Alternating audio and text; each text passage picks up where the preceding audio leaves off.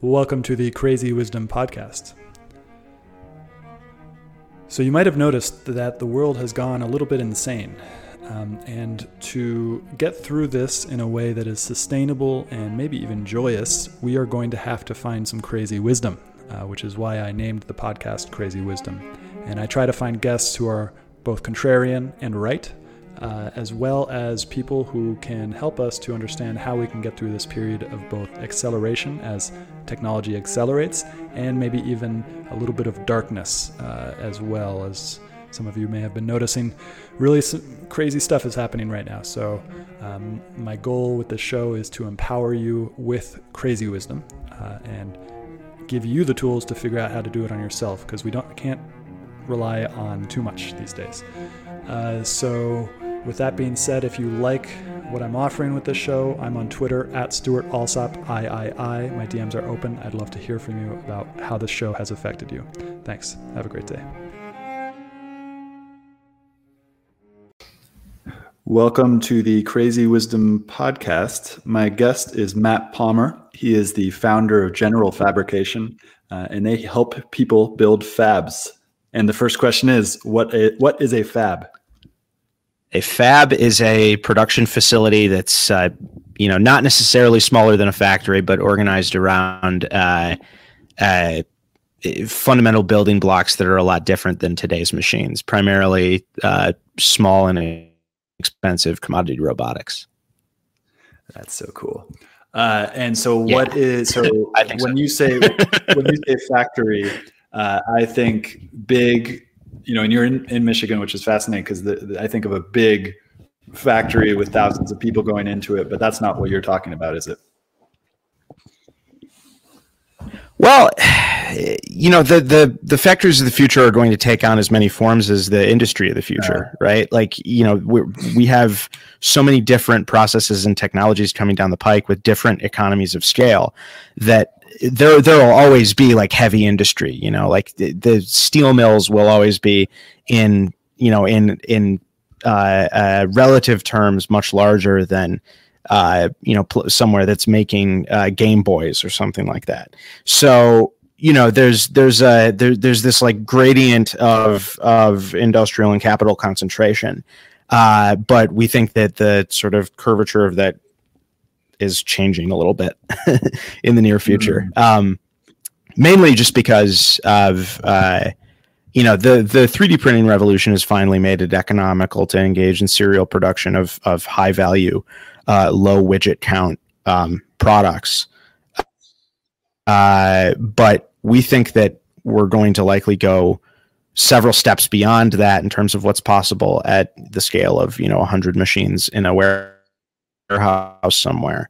Um, and uh, I, the way that that's going to happen is likely going to be through the introduction of uh, different like low force processes that can run on these uh, uh you know very cheap commodity tooling systems mm. robotics robotic tooling systems and you mentioned yeah. widgets okay so there's a whole bunch there and i don't know enough to to quickly synthesize all this but so widgets serial production of widgets and that serial production is means basically like uh, I have a 3D printing or I have like several 3D printings that are all specialized to whatever thing I'm building. Uh, and I can just pump out a lot of them in my home area, basically. Continuously. Yeah. So what's, what's neat about this mm-hmm. is, is, so what? Yeah, continuously. That, that was interesting. I should, yeah, go for it. Yeah. Yeah. Yeah. Yeah. So you can you, you know the the the a lot of industrial production happens at like job shops or contract manufacturers. And the reason that that happens is because you know what you end up having to do is organize a lot of people um, or a lot of special purpose machines that you have to timeshare on you know computer um, and you have to you have to organize that sort of that sort of thing at a certain scale to uh, allow for the economical use of that you know of that large big iron resource. And what's what we see happening across a lot of different fields but now in manufacturing robotics is the uh, is the the reduction in um, you know it is a pretty uh, substantial reduction in the cost for things like 3d printers and the cost for other things that uh, uh you know that that that can make stuff with relatively high precision at you know at at uh, low capital density. Um, that is what we think uh, you know is interesting about. Um, you, there's been a lot of rumblings lately about Moore's law for everything, and we think mm. a particular area that's about to get caught up in that. Uh, okay, in that sort so, of um, you know that that sort of and something that came to mind so, so so basically what this allows though is that people yeah what what this is enabling is the ten thousand dollar OmniFab essentially is is is the is the end uh, you know Whoa. end result of a lot of this stuff.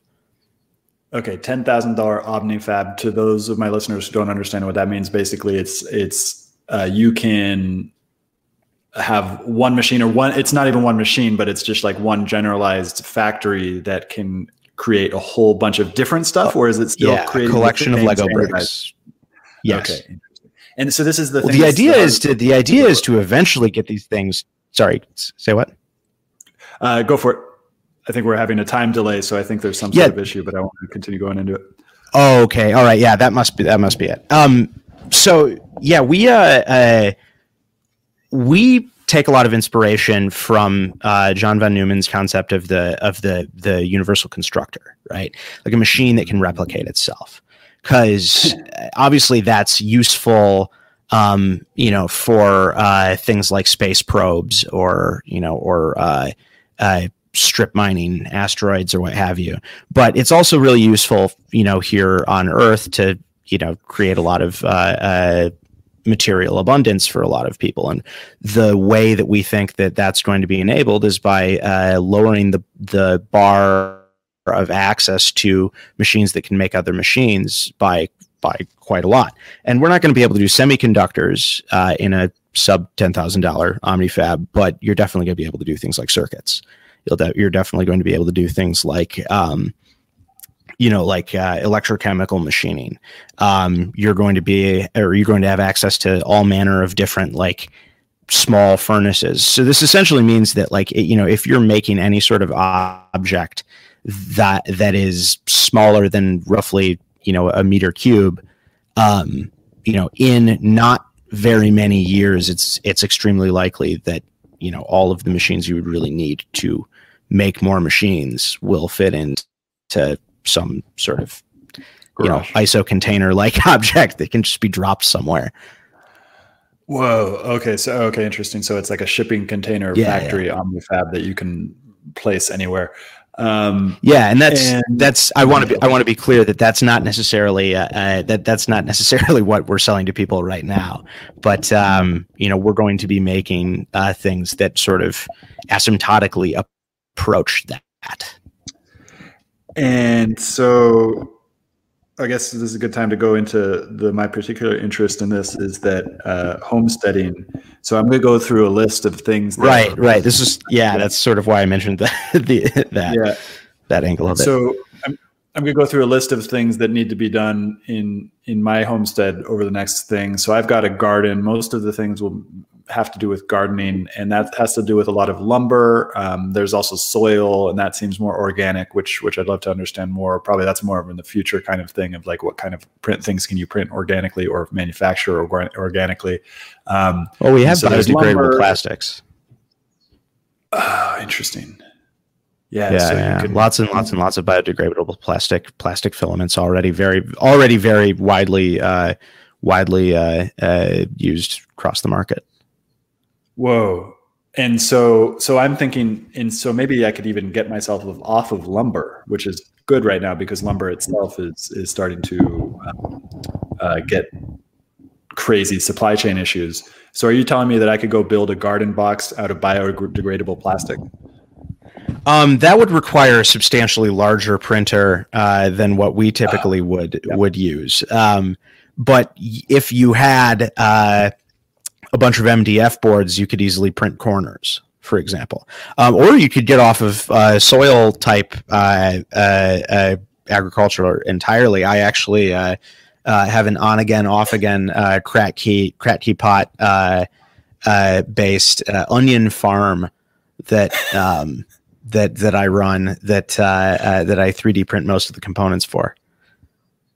And that's just off of soil. So you're now into vertical gardening. Is that is that is that? Uh, yeah, yeah, yeah. So this was this was uh, uh, solving my my um, so the onions that they had at the store directly across my uh, across from from my apartment in Chicago during the height of of COVID lockdowns, uh, they had very low quality produce.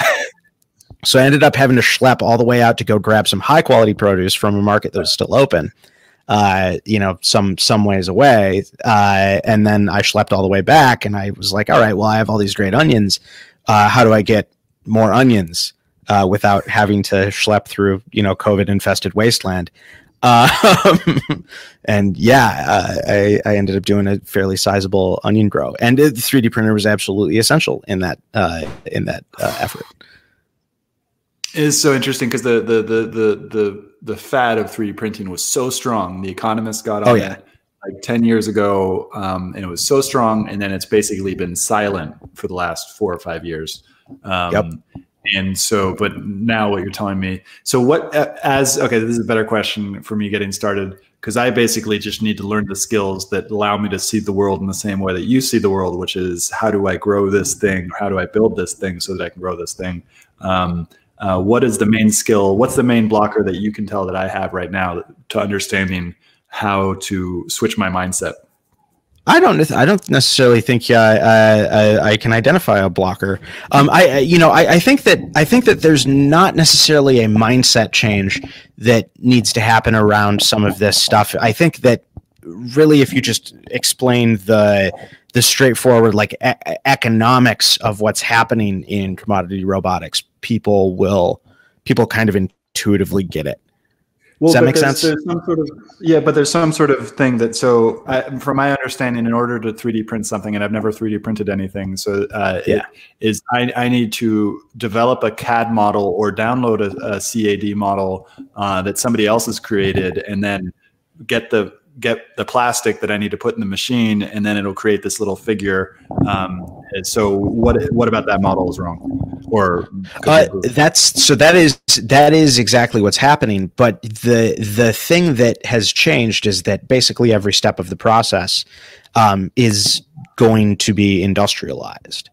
Um, but in small enough packages, the, the way I've analogized it to people is uh, this is the big iron to commodity server transition in manufacturing equipment.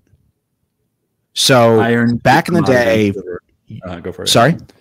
Yeah, go for it. Explain iron to commodity. I didn't understand iron to commodity. Yeah, so big big iron. So big iron is a term, a, a, a computer industry term of art for, um, you know, for large uh, like IBM Z machines or Crays. You know, like the uh, very aesthetic mid-century modern supercomputers that you see people posting Twitters or you know photos of on Twitter. That that sort of stuff. Lots of memory tapes, and you know th- these things are the size of rooms. Um, and that for a very long time was you know a computer, right? Uh, then the 1980s came around. You know, desktops desktops became a thing, and we transitioned most of our computing from desktops, or sorry, from big iron, you know, like large concentrated machines, mm-hmm. down to desktop computing and using the communication system to move Got information it. around. Um, you know, via email and and other other things like that. That exact same revolution is happening in manufacturing. So we still have big, you know, we still have big iron, we still have big machines. You know, there always will be huge server farms, right? But there's also this new uh, this new market for mid-size um, or small, uh, uh, uh you know, clusters of fabrication equipment because what those will allow are totally new business models that uh, you know that that couldn't previously exist when you know what you needed uh, to you know say machine a block of aluminum was like a fifty thousand dollar uh, Haas mill, right? You know, or or significantly more expensive. Um, you know, in like probably around eighteen months, there will be products hitting the market for probably around 2500 to $1500 that'll be able to do almost all of the things that a Haas does but electrochemically without many forces.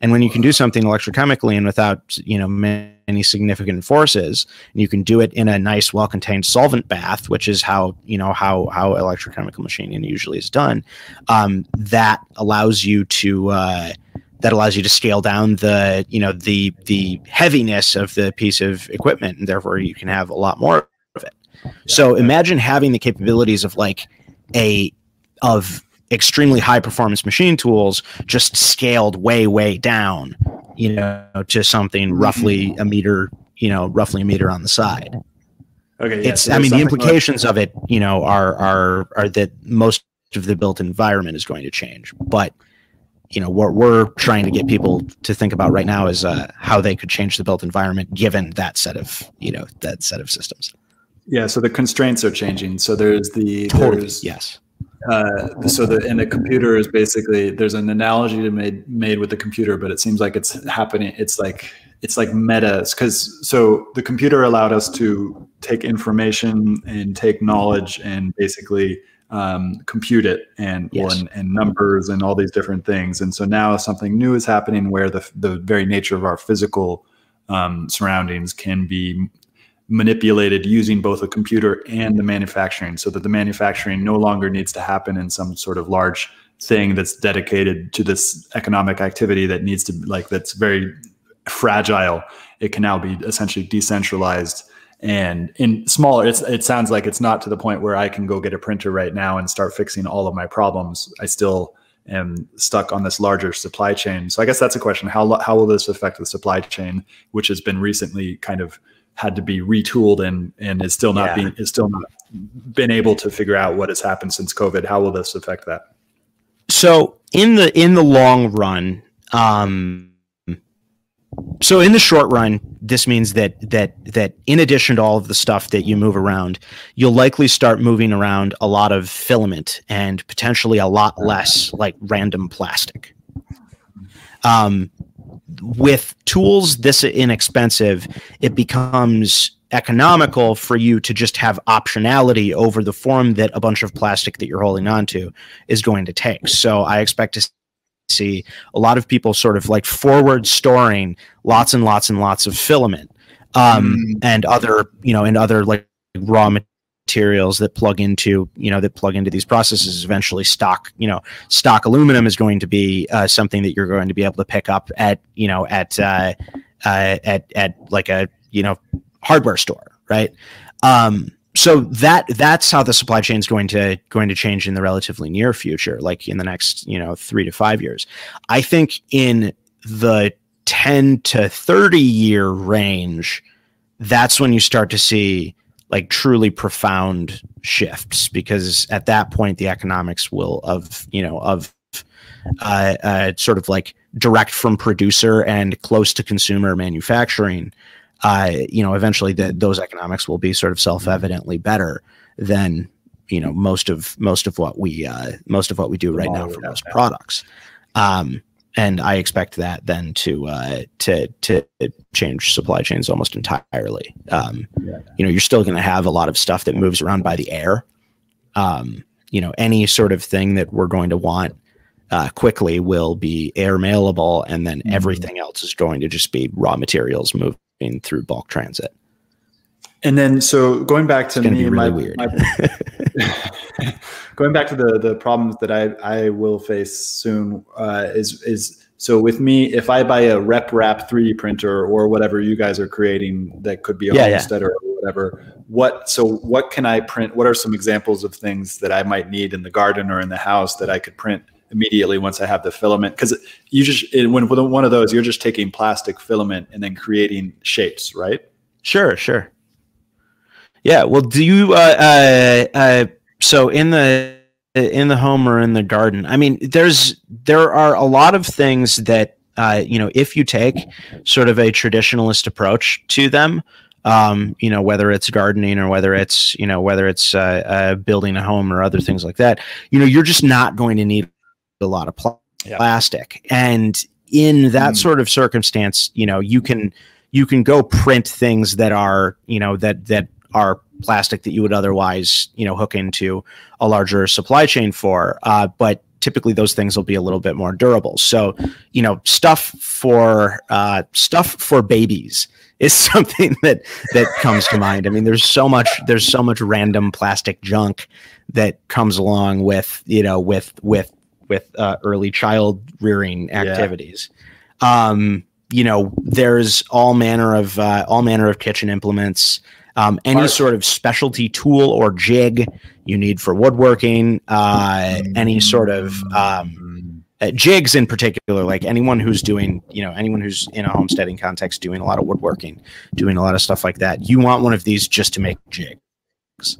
Like that, in fact, you should get a dedicated jig machine, and then get like four or five other machines doing other doing other things around the house. Ah, okay, okay, got it. So the, here's something else that's kind of clearing in my is that there there's sure. I, I need one machine so okay so the question is is how many at a at a consumer level how many different machines are there that a no, normal like not too specialized person could have in order to improve their lives i think most people are going to end up over the like the 10 15 year time frame having probably like two of these in their house. Okay. Interesting. But for the more i, short, I think of it as roughly the you know mm-hmm. in in three to five years i think people are going to you know most people are going to get one. And then generally people who generally people who are able to take advantage of uh, you know take advantage of the capabilities of these things are going to want um, well they're they're going to want quite a few more than just one. I, I think it, we're going to yeah. see a very goofy looking distribution of you know numbers of printers that somebody has because you know, once you've decided you want one of these or two you know more than one of these things suddenly n of these things become you know like the, all of the potential situations where they, they would be useful start appearing to you. And uh, the, the early adopters know, the it, early it adopters into, the early adopters are going to basically do the same thing that the computer the homebrew company or homebrew organization did in in silicon valley in the 90s and stuff like or 80s and 90s where steve jobs and um, what's his name met uh, uh, so they're going to just fuck around with a lot of different bu- bunch of stuff, but then a lot of that stuff will be incorporated into models that will incorporate all those activities into one model, basically.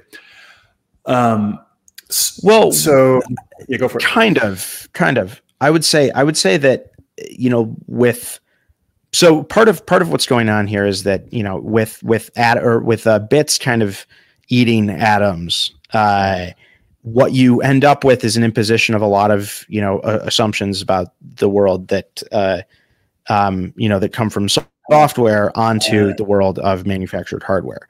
Uh, and one of those is that you're going to have a lot of open source stuff. So i expect based on our experience with the open source system that instead of centralization and standardization on any single thing um, there will likely end up being uh, a, you know, th- th- there may be things that you know that are that are like the very clear winner in their you know in their category, like, like the Linux kernel over you know over everything else. But that will those things will just be pluggable parts within a larger system of adapters and pieces of equipment that can you know can allow stuff to work together. So. Mm-hmm. It's important to not think of this stuff as a single system of manufacturing, but rather as a a shift in how systems of manufacturing are organized and a proliferation in systems of manufacturing that are that are nevertheless more um, interoperable than ever before, purely by the nature of how they're configured. um, that is going to take me a bit to wrap my head around and, and turn that into something I can I can riff off of. Uh, go for it. Mm-hmm. Well, a, re- a, real world a real world example of this is what's happened in Shenzhen, right? So you know what we're doing at GenFab, we consider to be. Um, uh, we we say this kind of tongue in cheekily, per, particularly when we're talking to like you know DC type people. Uh, we're we are facilitating uh, something of a technology transfer uh, from from you know the uh, the uh, the the yes. folks uh, in southern China, right? Like there there have been some things that the people in Shenzhen, who frankly I would love to continue doing business with, if they would just yeah, get rid of their horrible government. Yeah. Um, they there are a lot of people there uh, who have figured out uh, how to do um, you know how to live in prototype world permanently and still mm. make money on it and how to scale out manufacturing very very effectively and very quickly um, and you know at at at uh, you know and and and with uh, uh, economic assumptions that are th- totally different than what we have here in the United States. You know that mm. there are lots and lots and lots of firms there that um, you know just do one or you know one or two or three things. They standardize around various different components, and then two or three years the, later, the standards change, and then very dynamically, all of these firms reconfigure themselves and you know are on to making other stuff. Um, you know, we think that that sort of market logic is likely going to pop up in a few different clusters in the United States. Yeah, and uh, this and this is the, this is facilitate the, some of that.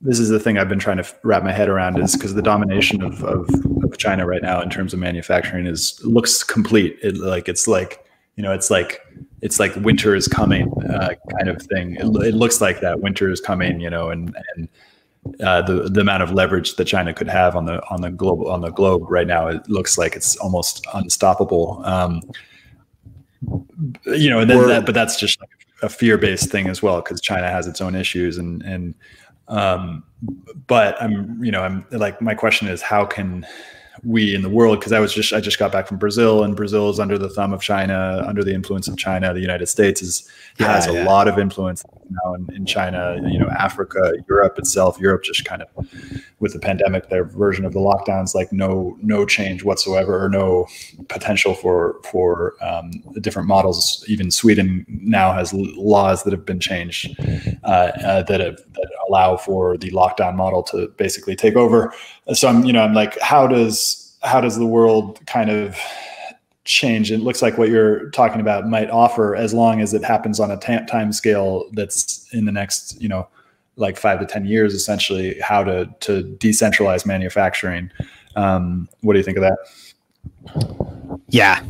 I mean, look, I, I think there's, uh, there are changes in social systems that are going to drive smaller and smaller jurisdictions. Um, yep you know to to greater and greater levels of importance. Um, mm.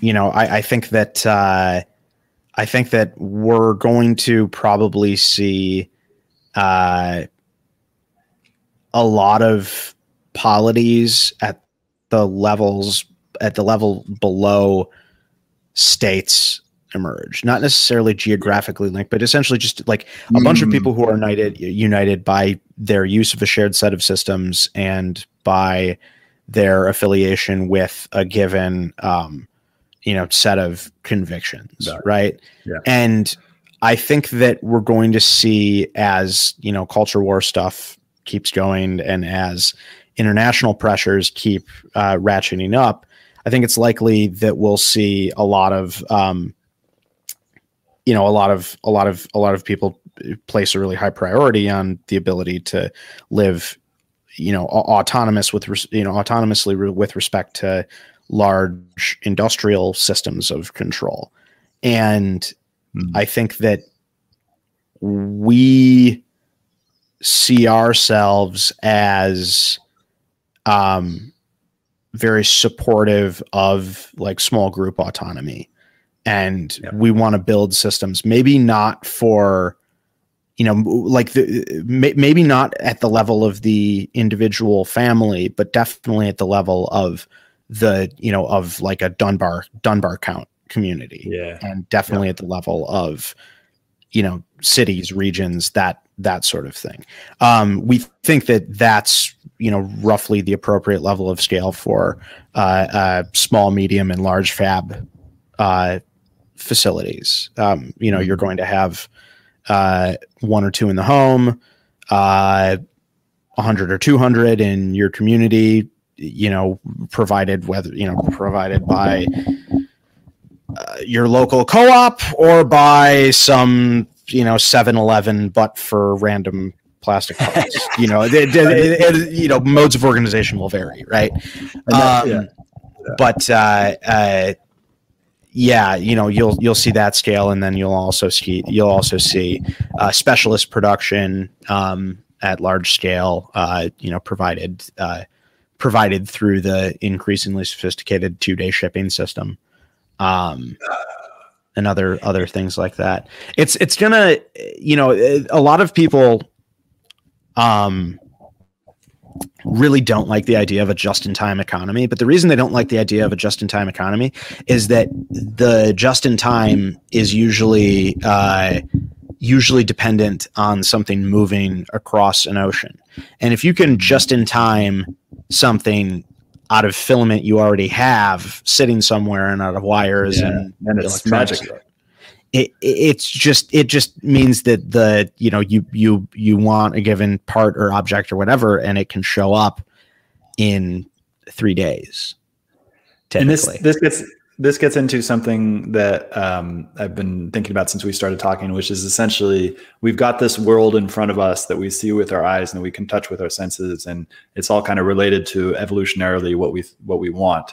And tools, being tool users, we've always had this this like always about the tools. Um, and we so, are tool building apes, yes. and so like we get off on it on this like deep, deep, deep level, uh, and these tools allow us to change that reality that I see basically. So I can cut down that tree, I can remodel this thing, and so that is basically going to the the the constraints of that are about to change in this really significant way, um, and. Uh, so not only are we going to be able to retool the tool tools we have already um, and build new ones, but then there will be new things that will come out of this that we couldn't have even foreseen. Uh, for example, yes, like an example would be Facebook. Like nobody thought that social media was this thing that would take over the world. Like nobody nobody saw that coming, and you know MySpace kind of saw that coming, but nobody nobody really took it seriously. Um, you know, it was just a way to share photos and connect with friends and stuff like that. Now it's this way that's kind of moving elections and changing the nature of what we think is reality. Um, and uh, so it's going to be interesting to understand what of that. What was there anything that came to mind of like, but but so how do how do I make that um, grounded in a tool? We've already talked about a little bit with the woodworking and the the jigs and stuff like that. Um, and this idea, I like this idea of of of a small 7-Eleven that's just made for manufacturing stuff. And that model already exists in africa for solar power power and for water and all these other things as you go to this other thing. And um, and then they'll just create this magic stuff. Um, anything come up for you in that that would, my listeners would find value? Uh, at the scale of like businesses they could start Oh, well, interesting. Businesses Is that what you mean? Home, businesses, homesteaders. How how will this change the what we how will this change the nature of objective reality for people in this? Well, some of the first people to take advantage of this, and I'm about to enter shameless pitch territory, so so you know, buyer buyer beware. But um, some of the first people who are going to be able to take advantage of this kind of thing will be anybody who has um, a really good understanding of like a of of a of a market niche. Um, one mm thing that we've been messing around with a lot lately, uh, just because you know they require a lot of uh, they require a lot of uh, uh, plastic to make, and that means that we get to run a lot of plastic through our machines, and that means we get to a lot more benchmarking data, and we like benchmarking data. So, uh, you know, one of the things we've been experimenting with, um, you know, to satisfy that set of needs and then also just have something that we can kind of uh, hand off that's useful to people is uh, making climbing holds uh, um, and these things are these things are uh, oftentimes like 85 bucks for a four pack or something absolutely ridiculous like that um, you know and we can we can make make these things for uh, gosh, it's going to depend on the filament, so I can't really give a very big number, but let, or a, a very clear number. But let's just say it's at least at least a third, probably usually like a sixth of the actual cost of you know of molded uh, of molded climbing holds. And unlike molded climbing holds, we can do arbitrarily complex and oftentimes hmm. uh, uh, something we're looking at uh, mm. that would be applicable here is procedural generation. We can do, um, you know, we, we can do any sort of different hold and any sort of different texture on a hold. Um, uh, uh, you know, with no uh, marginal tooling cost. Um, whereas somebody who, who has to, uh, you know, who has to go, um, you know, or who wants to wants to go make like a very specialized sort of like training hold, like a foot foot placement training hold. Um, you know, they're they're going to have to go through the whole process of like molding it and talking with the company that designs molds and uh, you know doing some months long DFM process in some cases, um, and we just aren't yeah. subject to those constraints. What you know, we art? can look at an interesting rock, scan it, and print it, mm. and have it up on a wall in in twelve hours. But it, so in so so anyone yeah. who's familiar with like a comparable niche like that, whether in photography or shooting or you know or or uh, uh, cross country skiing or what have you, um, that those are the people who I think can experience interesting things related to this to this uh, uh, you know this uh, uh, cost collapse um, in you know in in machine tools. Um, so if you're a creative person with a set of product ideas around that, come and hit me up because I want to sell you a bunch of equipment. But but uh, uh, yeah, I mean that's that's how I think a lot of people are going to experience this um, at first. I think they're going to see it on on their Instagrams. You know, the people in the various different can- hobbies and things they're into are suddenly going to start showing up with all manner of custom uh, and oftentimes like electronics integrated equipment and, and that'll go into the influencer model where it's like you know we're yes. already seeing with with nfts where you know if you already yep. have a large people who are interested in what you're you have to offer it's just like the sky's the limit in terms of the creativity um X, exactly. access to that and exactly yeah and art art seems like it's a big one um have, have you seen people making 3d 3d printed art I have seen everything from uh, I, have seen everything from like what you would very easily call like fine sculpture, like huh. actual attempts to create genuinely impressive like some you know some some sort of thing you would stick in a museum and a bunch of people in turtlenecks would go like hmm interesting you know that there have been serious serious swings and i think actual connections on that um, I think that uh, I, so so I think there's a bunch of stuff that is possible in the in the artistic domain there, and I think that things that are perhaps a little bit more lowbrow uh, hmm. are you know like all manner of cosplay stuff.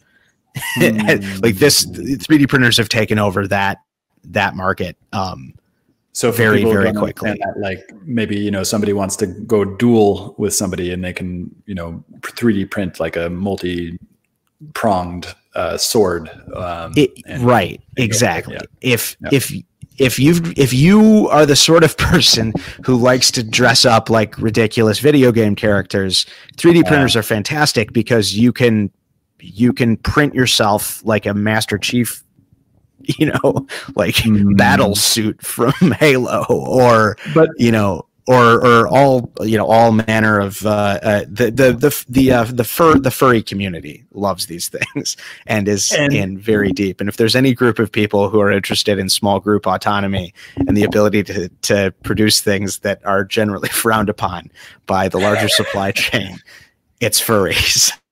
and believe me, anything that that group of people adopts take a very close look at because it's probably a really good idea. yeah. And those um, folks are are into uh, are into are, are into this sort of like fabrication technology stuff with both feet and and tail. So and, so and let's get back into the the actual the fundamentals of it too because so there's the yeah of course the, there's the filament, uh, and then there, it, when you were saying that about the the the swords or whatever, the the the idea or no, is the rock wall, like the size of it as well, the size of whatever you're trying to produce. What are the size constraints and what are the filament constraints?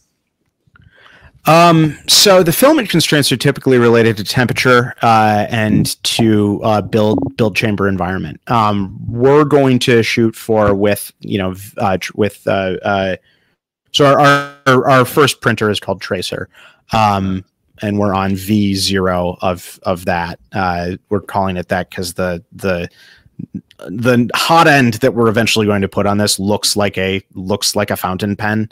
It's kind of neat. Uh, I think people are going to love love what it looks like when it finally comes out. Huh. Uh, but anyway, that is going to uh, uh, that's going to um, operate mainly at the uh, at the uh, like sixty to ninety uh, degree uh, centigrade um, level in terms of build build environment, and it's going to have capabilities on the you know on the hot end itself to get up to say you know like 350 4, 400 while still being able to degree centigrade while still being able to to operate um you know uh, operate in a, in a in a reliable fashion. Um what this allows is a capability envelope that covers a lot of materials that weren't previously available to uh, uh, weren't previously available to people at you know operating at relatively small scales or available to people who didn't have like you know an, a, a fifty thousand dollar you know fifty thousand dollar Stratasys 3D printer, right? Um, so that means polycarbonate, nylon, uh, uh, all sorts of different carbon fiber uh, doped materials, lots of um, you know lots of lots of interesting stuff with continuous carbon fiber.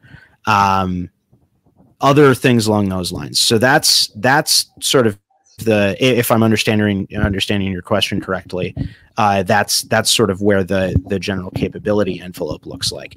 And then filaments are just uh, filaments are just produced at a at a at a um, uh, sort of commodity but custom scale i guess there aren't that many changes in your processes you need to make to string um, you know to string different types of filament you essentially just need to be able to melt and extrude plastic um, and keep it in a in keep it in an environment where the plastic is in you know in relatively you know relatively good condition. So uh, dry in room temperature typically. Um, so that's that's sort of how that industry is configured. Um, I expect to see a commodification of both. Uh, you know, both printers and also filament production. Yeah. And then the um, size thing, the size. If I'm if I'm if I'm just got one of these things in my backyard or in my, in my garage, uh, and it's kept at room temperature what is the limit of thing of the size that I can build? So I would be surprised if anyone would find a printer larger than a a washing machine useful in their house. Uh, um, we will have printers eventually, and the DoD makes printers, or sorry, the DOE Department of Energy makes print makes 3D printers that are capable of uh, you know doing doing like um, medium sized boats in 12 hours. So, you know, that that sort of like macro scale 3D printing is definitely something that's coming down the pike. We might not do that uh, a whole lot, but there will be, you know, we will have counterparts in industry that that do that and are going to be able to do it really well. Um, hmm. yeah. Hmm. Interesting. Uh, yeah, that's so the the size constraints are primarily process limited. Um, you know, if you're doing small nozzle uh, filament uh, uh deposit uh, modeling, FDM printing, uh, which is you know what most people think of as as 3D printing, um, then you know generally like you're you're you're restricted in practical terms right now down to about a meter cubed build space. Hmm. Hmm. Um, we expect that to grow, but there's also like you know human human beings are generally speaking, you know, you don't really need a budget for any more than about two meters, two and a half meters of of vertical space, and that means most objects we use are no longer than that. Interesting. So, so, so for this last five minutes or yeah. so, there, if if I'm if I'm sure, a homesteader sure. or or if, if I'm a homesteader or if I'm actually just in a city and I want to start experimenting with this different type of stuff, uh, what are the main like what are the main three things that I need to do in order to get myself up and running in a, in a month or so? Uh, well, we we have a really strong interest in helping people do that. And for that reason, I don't want to give you a specific set of things uh, to do right now because it's going to change relatively soon. Uh, mm-hmm. or my my advice on this is going to change relatively soon because we're literally going to be rolling out a bunch of products that are designed to help people you know uh, bootstrap into this very quickly in much the same way that you know stripe makes it really easy for people to plug into the payment system so we uh we think right now the best thing you know if, if you're interested in working with this or just having one of these things to use around um, i would say learn cad yeah that's it okay that's that's the so that's currently a, a and that's a big ask because CAD is primarily a Windows only thing. It is Whoa. designed with a lot of really um, I would call 20th century assumptions. Uh, uh, it is uh, it's just not not like modern software. It's good yeah. for what it does, but like there's only one prominent uh, there's only one prominent um, like like browser delivered CAD product, and it's called Onshape. Um, we uh, we use a combination of of Autodesk products and Libre products, um, uh-huh. with a strong preference for Libre when we can get away with using that. Um, so yeah, definitely learn CAD. Um, if you want to play around with a like a hobbyist printer um, that you know that will be able to do everything kind of up to the top range of like toy, um, the Ender 3 is is fantastic. And there are a lot of people who use it for non-toy applications. I want to be want to be clear about that. Like there's an entire like uh, 3D printed firearm community that uses the Ender 3 uh, to do mm-hmm. some incredibly technically impressive stuff in terms of um, you know c- containing explosions in a controlled mm. fashion you, you know what i mean it's an incredible physics problem and i would suggest so everybody take a look at that um, but uh, uh, you know they're the, they're kind of testing the limits of hobbyist 3d printing and we think that we think that we can kind of raise that whole standard uh, by quite a bit by just opening up a much larger material envelope and a much better tooling envelope for people. Um, or sorry, uh, uh, delivering a much better toolbox for people. Mm. Um, and you know, so, like yeah. soft on the software side, particularly too. So, well, okay, so that's that's what I was that's what I was going into, or I yeah. wanted to go into is that essentially it seems like the the software is really the uh, ha, the main blocker for getting into consumer mindset because what you just said about the CAD modeling was like, yeah, I don't want to do, I don't want to do that. um, uh, yeah, yeah, it's a huge pain in the ass.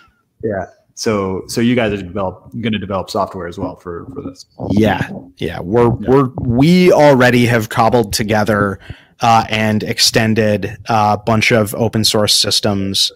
Um, you know, we intend to keep most of our publicly available software output open source.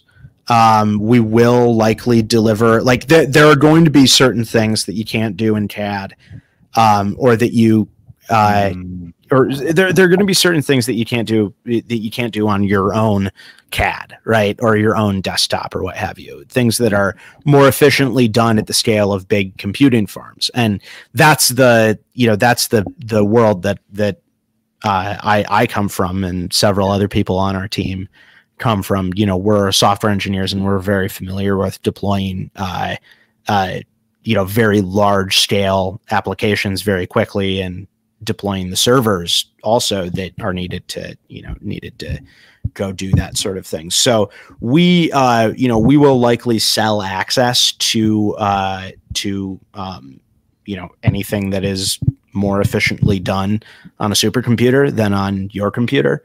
Um, and we will also have a bunch of different factory management systems that will likely keep proprietary but uh, you know oftentimes uh, i think we'll find it useful to um, to actually just give people access to uh, some of that stuff as well if it means that we can you know integrate into their you know into their uh, their system as a you know as a partner. Um, you know, we we're looking to reduce a lot of the upstream complexity for people. We don't want this to be as big of a pain in the butt as it is to get you know to get into uh, right now, and we think that you know there's an enormous amount of just uh, economic potential currently locked up because the start costs for a factory right now are you know like million and a half dollars, if not quite a bit more than that, depending on what you want to do. We want to drop that number considerably, and we think Seems that. Like you, uh, mm-hmm. Seems like you guys should talk to Meow Wolf. Um, you you should both talk to Meow Wolf. The people. Do you know what Meow Wolf is? No, I'm not familiar. So Meow Wolf is a uh, is a it's like Disneyland meets Burning Man on psychedelics. Um, so it's an actual physical space where they've created a Disneyland type of environment, heavily influenced by the psychedelic stuff. So, um, and they've got three of them now. There's one. There's one in uh, Santa Fe, New Mexico. There's one in. They're building one in Denver, and they just opened one in in Las Vegas. Um, and these guys are like the opposite of startup startup world. It's a bunch of artists who are basically an artist collective making art out of trash for eight years until they opened up this thing, and and it's become a sensation. Um, and uh, so uh, I would uh, uh, talk to the management there, but they had to let go of a lot of people, uh, the, the, original core, because of the pandemic, and all those people are oh, walking. Yeah, well, and they're walking around with CA uh, CAD CAD um, knowledge because they they were doing a bunch of that that stuff. Oh, um, yeah, yeah. Uh, and so um, and just like brilliantly creative people who were all making art and as, i imagine are still making art and they would they would go in on this stuff um, uh, and there was something else that they they had i kept on asking them if they were using 3d printers and they were like no no most of our stuff is being being done with um, uh, oh man, it's been so long. It's like some other manufacturing thing that came around in the last few years. This was two years ago, three years ago. So um, I huh. can't remember. I'd be curious is, so. to hear what that is. Yeah, um, this looks really neat though. I'm paging through their site. This is this yeah. is pretty cool. Yeah, I would go. I would go. I would talk to them. Um, Any anyone who's doing that sort of like large scale art installation, yeah. I mean, oh my god, yeah. I have a million different ideas for you, particularly about like embedded electronics stuff. Oh, like I know, get I know get at me. You know, if you're listening to this and you do Burning Man type, you know, like large art installation stuff, please drop me a line. I am more than happy to help you facilitate some very cool shit. how, how, how can they get in touch with you? Um, so I'm usually pretty available across the various different uh, across the various different social platforms that matter uh, at this point. That's just Twitter and Clubhouse and so uh, that yeah. I mean, everything else is uh, kind of falling apart. Um, I, am also on uh, I'm also on on Mastodon. Uh, uh, Schelling Point. Um, you can uh, yeah you can find me just uh, at matt palmer m-a-t-t-p-a-r l-m-e-r uh, you can find uh, genfab on twitter uh, as at genfabco um, yeah uh, sign up for our blog. Um, you know we're currently waiting on the uh, the government to give us the thumbs up that we can operate mm. uh, in you know and and and sell stuff. And you know there's a lot of uh, back and forth going on right now and a lot of you know the the paperwork two step um, but we'll be in a position to uh, we'll be in a position to actually move product hopefully pretty soon here and uh, we're gonna build a, uh, a, you know a queue of uh, a queue of alpha testers that we think uh, you know that we think will be uh, really well served by this uh, set of systems that we're that we're building out, and um, it's our hope that uh, you know it's our hope that we can essentially just help democratize the means of production at least a little bit, you know, or contribute right. In some small way to that effort. And uh, we think that it's important to give people the tools to build a better future. So if that's something that, uh, you know, if that set of tools is something you need, reach out, talk to me. Thank you so much, Matt. Yeah, Stewart, this was awesome. Thanks for having me on, man. Hope you enjoyed this episode. I'll be publishing episodes every Monday, Wednesday, and Friday in the morning. If you did enjoy this episode, please find us on iTunes, Spotify, Stitcher, many of the major podcasting platforms, and go ahead and give us a review. And also subscribe. And as always, I'm on Twitter at Stewart Alsop III. Come join the conversation as we aim towards the truth. And the funny thing about truth is that you can't really put it into words because every time you put the truth into words, you create a linear narrative out of something that is non-linear. The truth is non-linear. It's not. It's. It's. If you really recognize the truth right now, your mind wouldn't know what to do. It'd be overwhelmed by beauty and pain, or it's. It's something that is beyond our linguistic capability to represent but that doesn't mean that the language isn't helpful. Language can point us in the direct right direction, but it's it's not it's not the truth itself. And so